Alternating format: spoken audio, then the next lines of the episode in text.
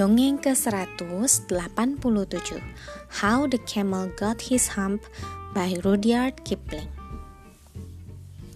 In the beginning of years, when the world was new and all, and the animals were beginning to work for man, there was a camel. He lived in the middle of a desert because he did not want to work. He ate sticks, thorns, and tamarisks milkweed, and prickles. He was most idle, and when anybody spoke to him, he said, Hump! Presently, the horse came to him on Monday morning with a saddle on his back and a bit in his mouth, and said, Camel, come and trot like the rest of us. Hum, said the camel, and the horse went away and told the man. Presently, the dog came to him with a stick in his mouth and said, Camel, come and fetch and carry like the rest of us. Hum, said the camel, and the dog went away to tell the man. Presently, the ox came to him with the yoke on his neck and said, Camel, come and plow like the rest of us. Hum, said the camel, and the ox went away and told the man. At the end of the day, the man called the horse and the dog and the ox together and said, Three, I'm sorry for you, but that thing in the desert can't work. You must work double to make up for it. That made the three angry with the world so new and all.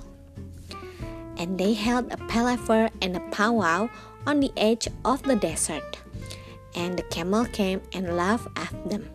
Then he said, Hum, and went away again.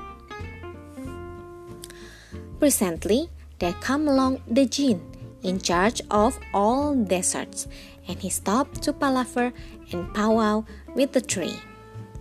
Jinn of all deserts, said the horse, is it right to be idle with the world so new and all? Certainly not, said the jinn.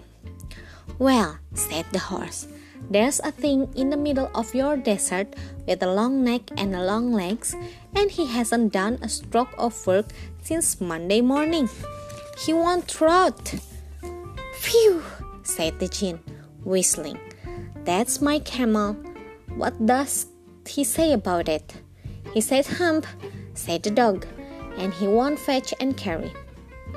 Does he say anything else? Only hump, and he won't plow, said the ox. Very good, said the jinn. I'll hump him if you will kindly wait a minute. The jinn found the camel looking at his own reflection in a pool of water. My long and a bubbling friend, said the jinn. What this I hear you doing no work with the world so new and all? Hum, said the camel. The jinn sat down with his chin in his hand and began to think a great magic.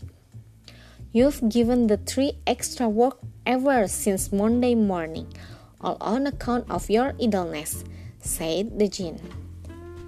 Hum, said the camel. I shouldn't say that again if I were you, said the jinn. You might say it once too often. Bubbles, I want you to work. And the camel said, hum again. But no sooner had he said it than he saw his back that he was so proud of, puffing up into a great big hump. Do you see that? said the jinn.